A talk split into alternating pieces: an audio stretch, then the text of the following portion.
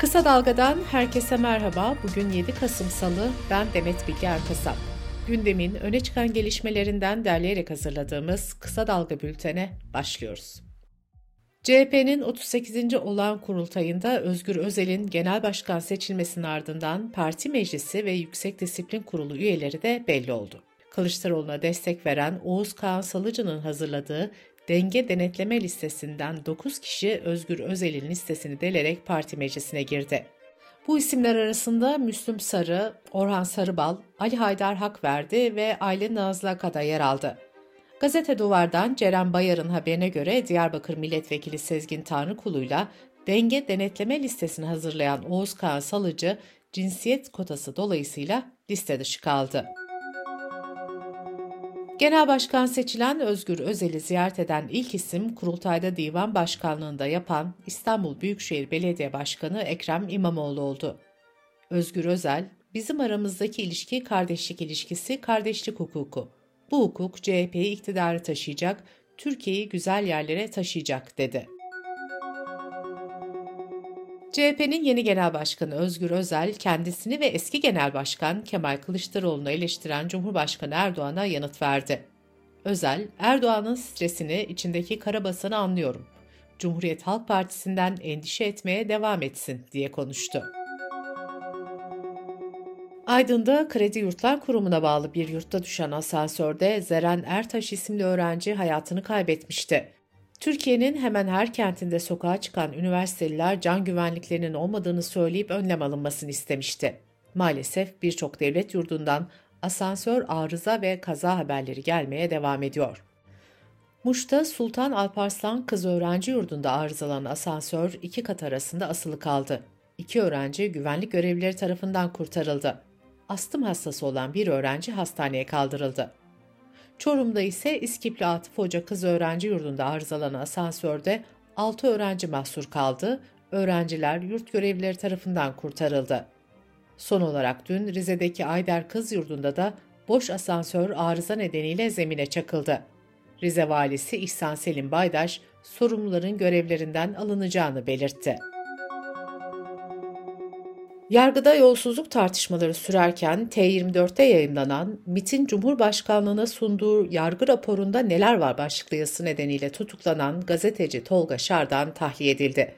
Halkı yanıltıcı bilgiyi alenen yayma iddiasıyla tutuklanan Şardan avukatları karara itiraz etmişti. Mahkemede adli kontrol şartıyla Tolga Şardan'ın tahliyesine karar verdi.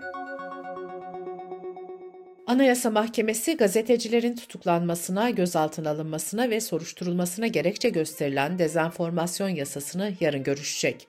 Basın meslek örgütleri de çarşamba günü saat 10'da yüksek mahkemenin önünde bir araya gelecek. Gazeteciler sansüre karşı çıkarak gazetecilik suç değildir diyerek tutuklu meslektaşlarının da özgür bırakılmasını isteyecek. Kurak geçen yaz mevsimi ve sonbahar yağışlarının da gelmemesi nedeniyle İstanbul'u besleyen barajlarda su oranı %17'ye kadar düştü.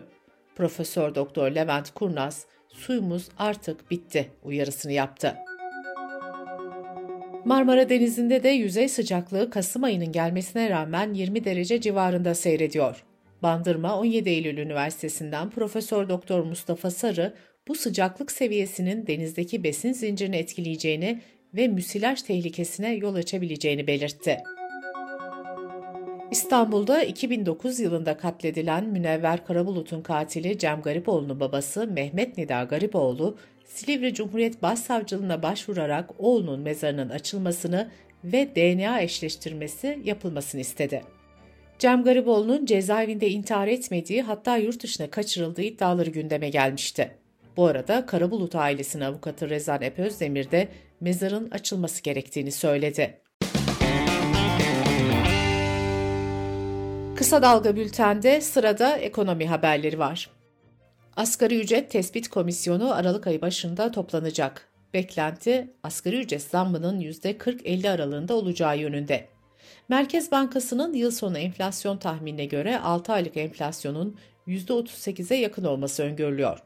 Sabah gazetesinin haberine göre asgari ücrete 6 aylık enflasyona göre artış yapılırsa net 15.735 lira olacak. Asgari ücret bir insanın yiyecek, yiyecek, barınma, ısınma gibi ihtiyaçlar için ödenen en düşük ücret olarak tanımlanıyor. Bu ücret de işçi, işveren ve hükümetin temsil ettiği Asgari Ücret Komisyonu tarafından belirleniyor. Saros Araştırma Şirketi 30 büyük şehirde 2260 kişiye gündeme dair sorular sordu. Halkın %57,5'u gelecek yıl ekonominin daha kötü olacağını söyledi. Ekonomi daha iyi durumda olur diyenlerin oranı ise %23'te kaldı. Katılımcıların %33'ü ise ekonomik sorunları hiçbir siyasi partinin çözemeyeceğini belirtti. Ticaret Bakanı Ömer Bolat, Ekim ayı dış ticaret verilerini açıkladı. İhracat Ekim ayında geçen yılın aynı dönemine göre %7.4 arttı. Bakanın açıklamasına göre ithalat ise %1.3 oranında arttı. Ekim'de dış ticaret açığı %15 geriledi. Dış politika ve dünyadan gelişmelerle bültenimize devam ediyoruz. İsrail'in bir aydır devam eden Gazze'ye yönelik hava saldırıları şiddetlenirken bölgede iletişim ve internet hizmetleri çöktü. İsrail ordusu kara harekatıyla da bölgeyi ikiye böldüklerini ve Gazze kentinin kuşatıldığını duyurdu. Filistin Sağlık Bakanı uluslararası topluma hitaben bir mesaj yayınladı. İnsanların 30 gündür katledilmesi yetmedi mi başlığıyla yayınlanan mesajda 4800'ü çocuk olmak üzere 9700'den fazla kişinin öldürüldüğü belirtildi. İsrail ordusunun işgal altındaki Batı Şeria'ya düzenlediği baskında 22 yaşındaki Filistinli aktivist Ahed Tamimi gözaltına alındı. İsrail, Lübnan'da 3 çocuğun içinde olduğu sivil bir aracı hedef aldı. Saldırıda çocuklar ve büyük anneleri hayatını kaybetti, anne ise ağır yaralandı. İsrail, Gazze'deki hastanelerin saklanma yeri olarak kullanıldığını ve buraların altına tüneller kazıldığını öne sürmüştü. Hamas bu iddiaları yalanlayarak Birleşmiş Milletleri bu iddiaları soruşturmak üzere uluslararası komite kurmaya çağırdı. ABD Dışişleri Bakanı Antony Blinken Ankara'yı ziyaret etti. Blinken, Dışişleri Bakanı Hakan Fidan'la bir araya geldi. Görüşme basına kapalı gerçekleştirildi. Toplantıdan sonra bir açıklama yapan Blinken, Orta Doğu'da kalıcı barışı görüştük dedi. ABD Dışişleri Bakanı, Gazze'deki rehinelerin serbest bırakılmasında başka ülkelerin önemli rol oynayabileceğini vurguladı. Dünya kamuoyunun ateşkes ve çatışmalara insani ara verilmesi çağrıları sürüyor. Birleşmiş Milletler'e bağlı 18 kuruluş ve sivil toplum örgütü insani ateşkes çağrısı yaptı. Yeter artık denilen açıklamada ölü sayısının her gün arttığı vurgulandı. Fransa Dışişleri Bakanı da saldırılara acilen insani ara verilmesi gerektiğini söyledi. Katoliklerin ruhani lideri Papa Francis de lütfen durun, Tanrı adına ateşi kesin dedi. Ateşkes ve insani ara çağrılarına İsrail'den ret geldi. İsrail'in Birleşmiş Milletler daimi temsilcisi Gilad Erdan, Gazze'de insani krizin yaşanmadığını öne sürdü. Amerika Birleşik Devletleri'nde başkanlık seçimlerine bir yıl kala yapılan anket eski başkan Donald Trump'ın yarışı önde götürdüğünü ortaya koydu. New York Times'ın 3662 katılımcıyla yaptığı ankete göre Trump kritik önemdeki 6 eyaletin 5'inde önde gidiyor.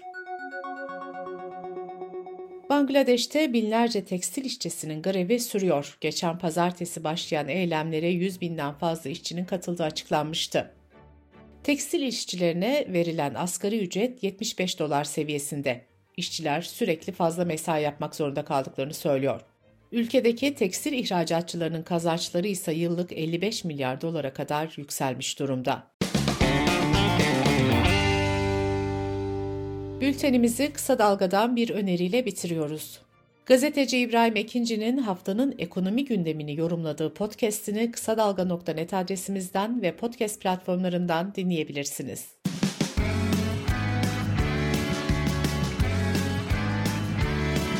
Kulağınız bizde olsun. Kısa Dalga Podcast.